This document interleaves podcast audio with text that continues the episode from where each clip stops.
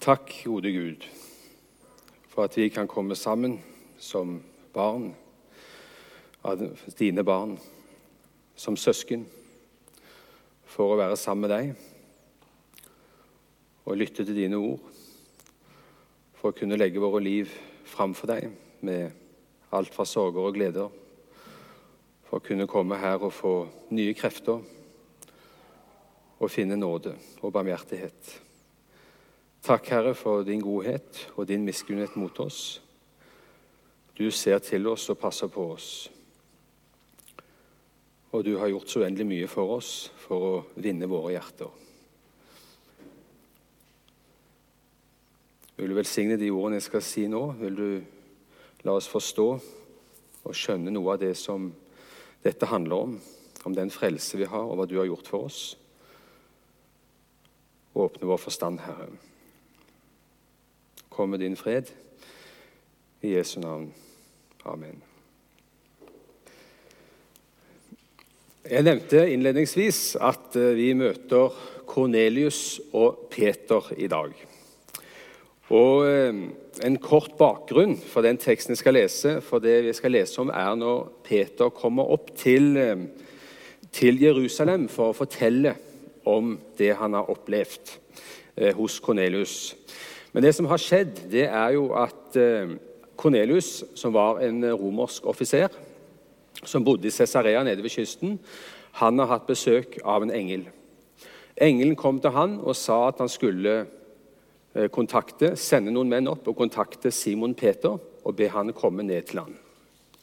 Samtidig som det skjer, så har Peter et underlig syn. Han ser en duk komme ned fra himmelen med alskens forskjellige dyr firbente dyr og krypdyr og fugler. Og Gud sier til ham, 'Ta for deg, slakt og spis', sier han. Og Da sier Peter, 'Nei, det er ikke mulig. Jeg har aldri rørt noe urent'. Og Gud sier til ham, 'Du skal ikke kalle urent det som jeg sier er rent'. Så Peter hører på Gud og spiser. Og Han er ikke før ferdig med dette synet, og han skjønner ikke hva dette handler om. Så er det noen som står på døren og sier og banker på og vil snakke med han, og det er de sendebudene fra Kornelius. Og De ber han komme ned til Cesarea. Og Peter blir med ned. Og Når han kommer ned dit, så hilser han på Kornelius. Kornelius har tilkalt hele sin familie, alle sine slektninger. Og Peter spør om hvorfor han har tilkalt ham. Og Kornelius forteller om sitt syn, og eh, da skjønner Peter hva dette handler om. Og Han forkynner evangeliet for dem, og Kornelius med hele sitt hus tar imot. Den hellige ånd kommer over dem, og eh, de blir frelst og tar imot Jesus. Og Så ryktes dette opp til Jerusalem, og da skal vi lese om hva som skjer videre når Peter kommer opp. Det står skrevet hos, eh, i Apostlenes gjerninger, kapittel 11, vers 1-18. Vi reiser oss.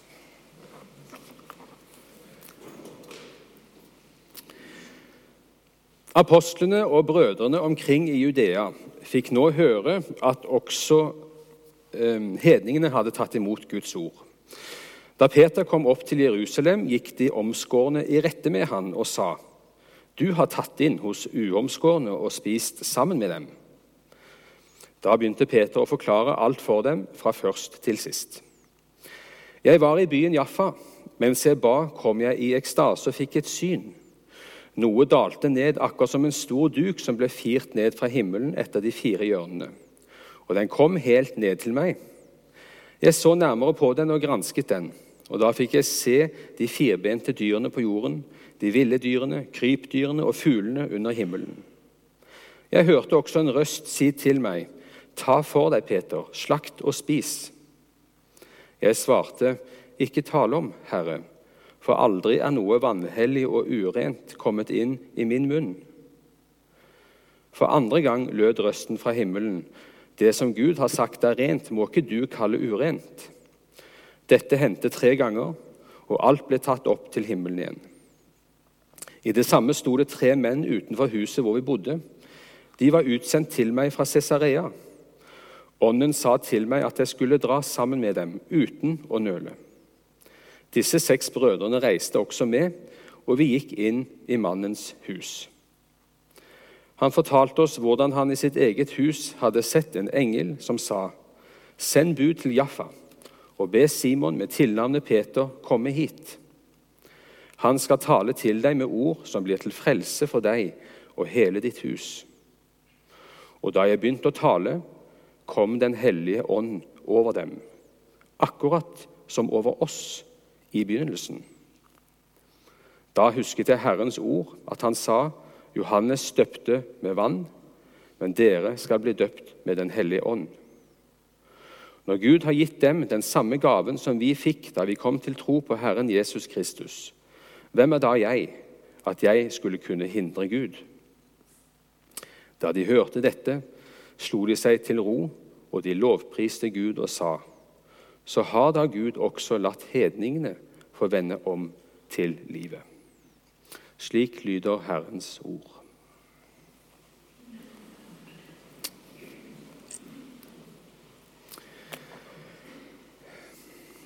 Denne historien får veldig stor plass i apostelgjerningene. Det er to hele kapitler, to lange kapitler som handler om akkurat denne hendelsen. Hvor vi i detalj får beskrevet hva som skjedde. Engelens besøk hos Kornelius, Peter Peters sitt syn og til slutt Peters sitt møte med Kornelius.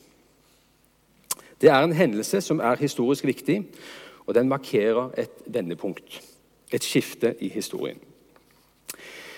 I misjonsbefalingen så sier Jesus.: Gå derfor ut og gjør alle folkeslag til mine disipler. Det var et helt klart oppdrag at de skulle nå gå ut også til hedningene, ikke lenger bare i Israel. Jesus hadde også sagt, for så høyt har Gud elsket verden. Han ga sitt liv for verden. Men så leser vi altså i apostelgjerningene at dette ikke gikk av seg selv. Det var mye spenninger mellom de jødekristne og de hedningkristne. Og det gikk bl.a. på det vi hørte i dag, at jøder ikke skulle spise sammen med hedningene. Og ikke minst så mente de jødekristne at når hedningene kom til tro, da måtte de omskjæres. Dette er jo litt problemstillinger som er litt fremmed for oss, men som var svært vanskelig for den første kristne kirke. Og Det er nyttig å vite noe om det, for det har noe med å forstå Guds frelseshistorie. Før jeg går videre, så skal jeg ta en kort historisk, et kort historisk tilbakeblikk. I første Mosebok 12 så møter vi Abraham, som ble kalt av Gud og får løfte om å bli et stort folk, tallrik som stjernene på himmelen. Han skulle dra bort fra det landet han bodde i, til det landet som Gud skulle vise ham. Og i han så skulle alle jordens slekter velsignes. Det var de løftene han fikk. Det som hadde skjedd i forkant av dette, det var at fram til menneskene som bygger Babels tårn, så hadde Gud forholdt seg til menneskene som ett folk. Gud sier i, i 1. Mosebok 11.: Se, de er ett folk og har ett språk. Men dette var ikke bra. Ved at de er et, et stort folk, så var ondskapen uten ende. Ingenting er umulig for dem nå, sier Gud. Når han ser det håmodet, og de bygger Babels tårn. Og Derfor griper Gud inn og han forvirrer dem med språket, så de ikke lenger skjønner hverandre. De stopper byggingen, og de spres ut over jorden og er ikke lenger ett stort folk. Nå var ikke menneskeheten ett folk, men mange. Men så griper Gud inn på ny. Han vil ha seg et folk. Og Blant alle menneskene så velger Gud ut Abraham og sier altså at hans ett skal bli tallrik som stjernene på himmelen. Han skal bli et folk, og i hans ett skal alle jordens folkeslag velsignes. Og Vi kjenner historien om han, og hvordan han blir vårt forbilde på troen. Og omskjærelsen som ble det paktstegn som skulle være det synlige tegn på at de tilhørte Gud. Så går det 430 år. Abrahams ett har blitt til et folk. De er blitt tallrike. men de er i Egypt, og de treller der. Gud sender Moses for å lede dem ut av Egypt. Og Når de kommer ut av Egypt, så kommer de ut i ørkenen. Og Der åpenbarer Gud sin lov for sitt folk. Og Det som skjer når de får loven, så er det nærmest at det forsegler dette folket, slik at de blir utskilt fra verden. De hadde allerede paktstegnet med omskjærelsen som et synlig tegn. Nå fikk de også loven med alle de bud og forskrifter som fulgte med.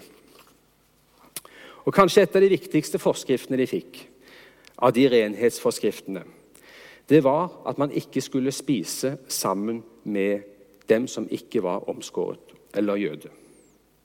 På den tiden var måltidet gjerne et tegn på samfunn og fellesskap.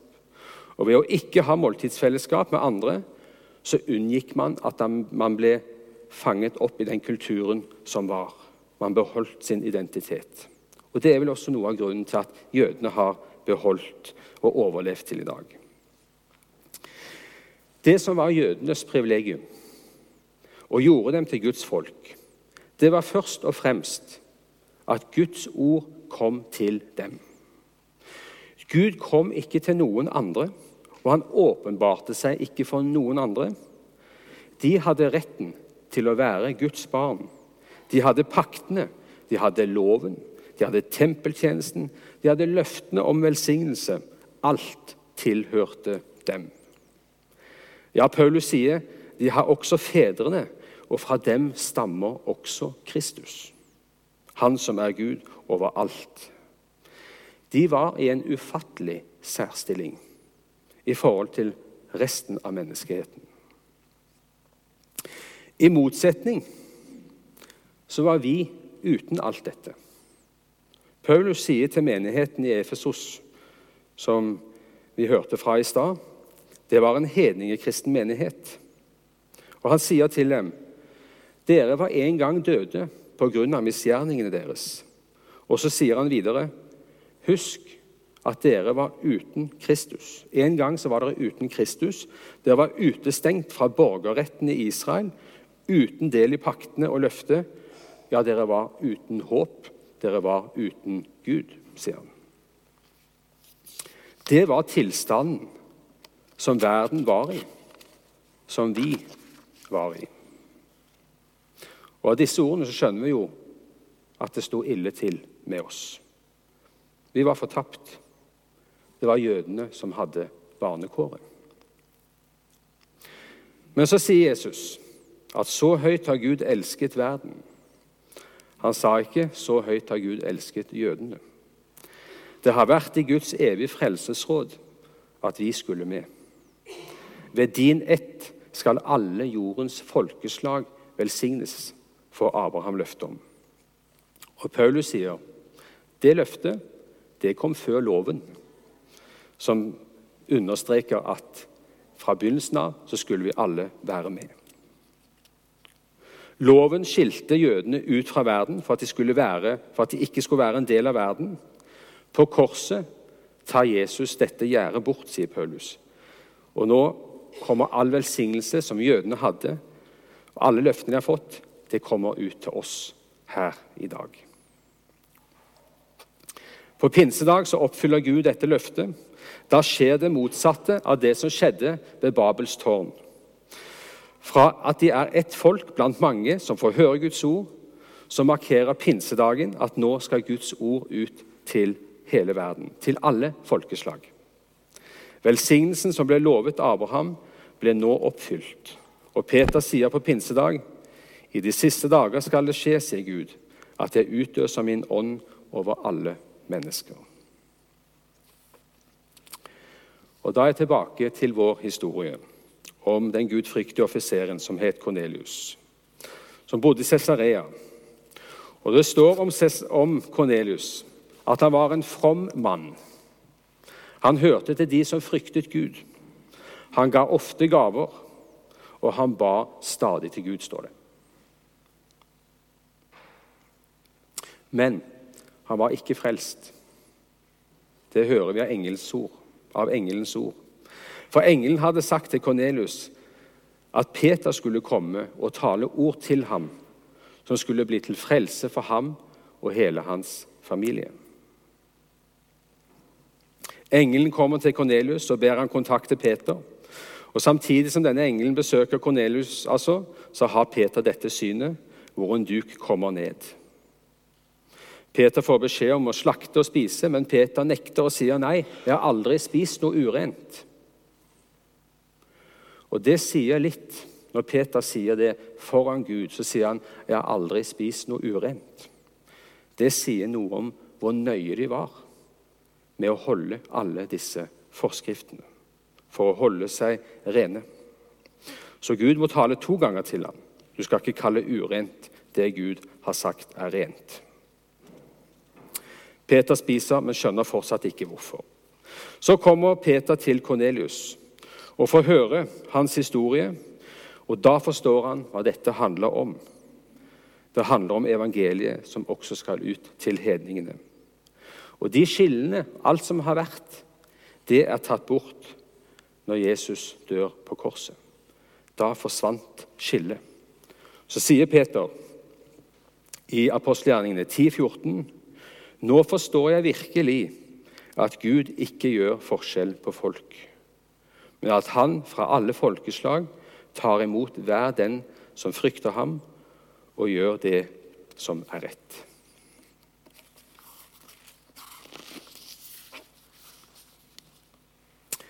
Så hørte vi at mens Paulus forkynner, så falt ånden på dem. Og Det ord som Peter siterer fra Joel, går i oppfyllelse. I de jeg, i de dager skal jeg utøse min ånd over alle mennesker. Og Peter sier eh, at det skjedde akkurat slik som det skjedde på pinsedag, sier han. Med andre ord, det skjer et språkunder, et mektig tegn, i akkurat denne situasjonen. Og det er Gud gjør dette for å fjerne all tvil om at evangeliet det var ikke lenger bare innenfor Israel og for jødene. Det skulle ut til oss.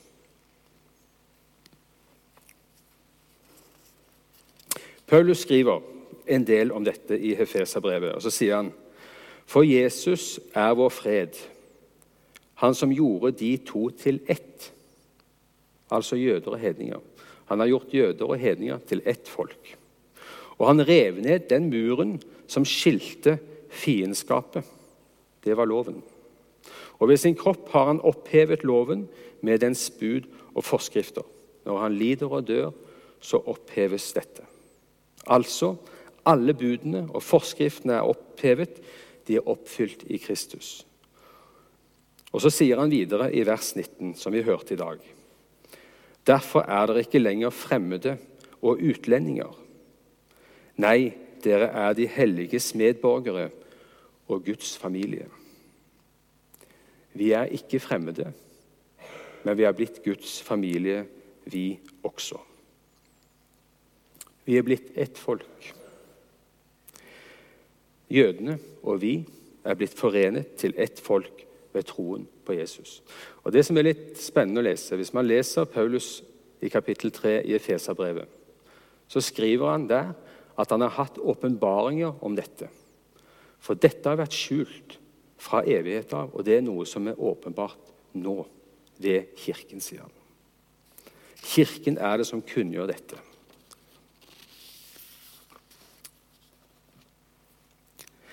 Dette er kanskje ting vi i Skriften ting fra Skriften kanskje ikke setter av så mye tid til å tenke på.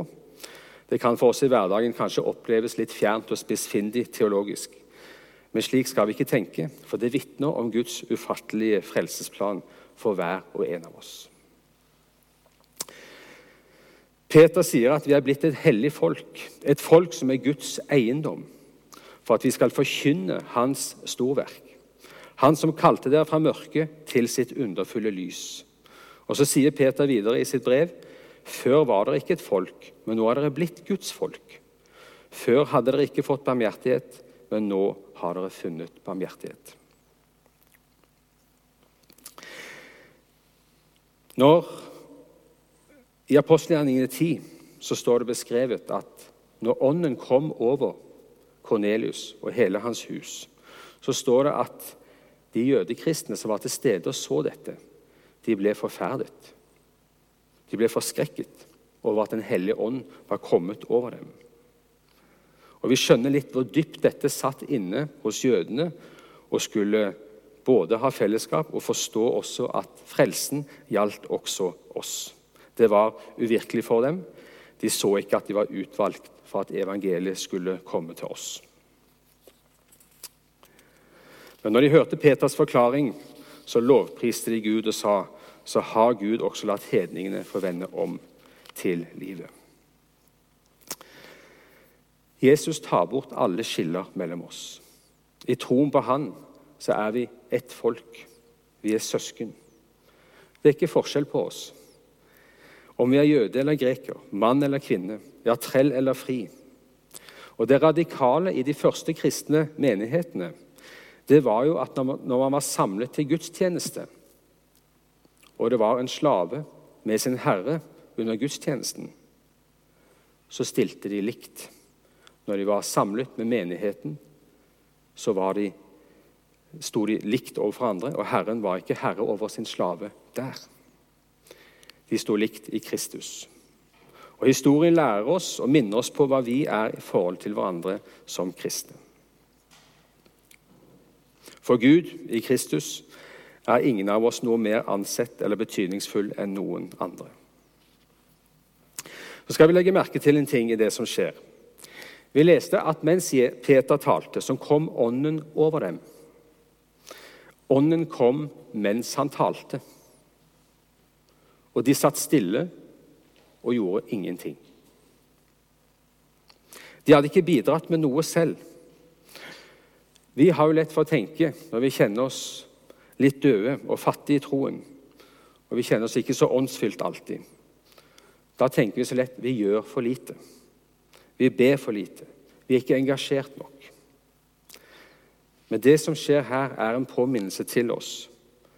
Når vi kjenner oss fattige og døde, så trenger vi å sette oss ned og ikke gjøre noe. Være stille for Herren og høre Hans ord. Det er det også Paulus sier i Galaterne 3, når han sier til menigheten i Galatia. Han sier, 'Fikk dere Ånden ved gjerninger eller ved å høre og tro?' Fikk dere Ånden ved ting dere gjør selv, eller var det når dere satt og hørte og tok imot og trodde Ordet? Det var når de hørte og trodde at Ånden kom. Så er vi samlet her i dag som en følge av det som skjedde der. Det var starten. Og Gud har i sin store nåde også latt oss få del i livet. Sammen med jødene har han gjort oss til ett folk ved troen på Jesus. Paulus sammenligner oss med ville oljekvister som er blitt podet inn blant grenene på et oljetre, sammen med jødene. Og der får vi del i sevjen fra roten, som er Kristus. Så nevnte jeg innledningsvis litt i dag at jeg skulle komme tilbake og nevne Salomos bønn. Kort noen ord der. For i Salomos bønn, når tempelet vigsles, så ber han til Gud og sier at nå har jeg bygd en praktfull bolig, et sted der du kan bo for alltid. Men så er det som tvilen kommer over Salomo. Han sier videre men bor Gud virkelig på jorden? Se, himmelen og himmelens, himlers himmel kan ikke romme deg, langt mindre dette huset som jeg har bygd. Bor Gud i et hus bygd av mennesker? Nei, den høyeste bor ikke i noe som er bygd av menneskehender, sier Stefanus i sin tale. Og så siterer han profeten. Himmelen er min trone. Hva slags hus kan dere bygge meg? Nei, vi kan ikke bygge en bolig for Gud. Men Gud har bygd en bolig. For vi er blitt levende steiner, og gjennom Han, Kristus, blir vi bygd opp til en bolig for Gud i ånden, står det. Det var ikke uten grunn at Jesus var tømmermann. Han var byggmester. Han bygget hus. Og det er forbilledlig. Vi er bygd opp til en bolig for Gud ved troen på Hans sønn. Guds tempel er hellig, og dette tempel er dere, sier Paulus i Korinterne 3,17. Og til Timotus sier han at menigheten er Guds hus. Vi er kommet med og har selv fått blitt en bolig for Gud ved at Den hellige ånd bor i oss. Det er nåde over nåde. Husk, sier Paulus, dere var en gang uten Kristus, utestengt fra borgerretten, uten håp og uten Gud i verden. Men ved troen på Jesus har vi fått tilgivelse for våre synder. Vi har fått del i alle løftene, all velsignelse i himmelen, og vi har fått del i det evige liv. Og vi er blitt et folk for at vi skal forkynne Hans storverk. Amen.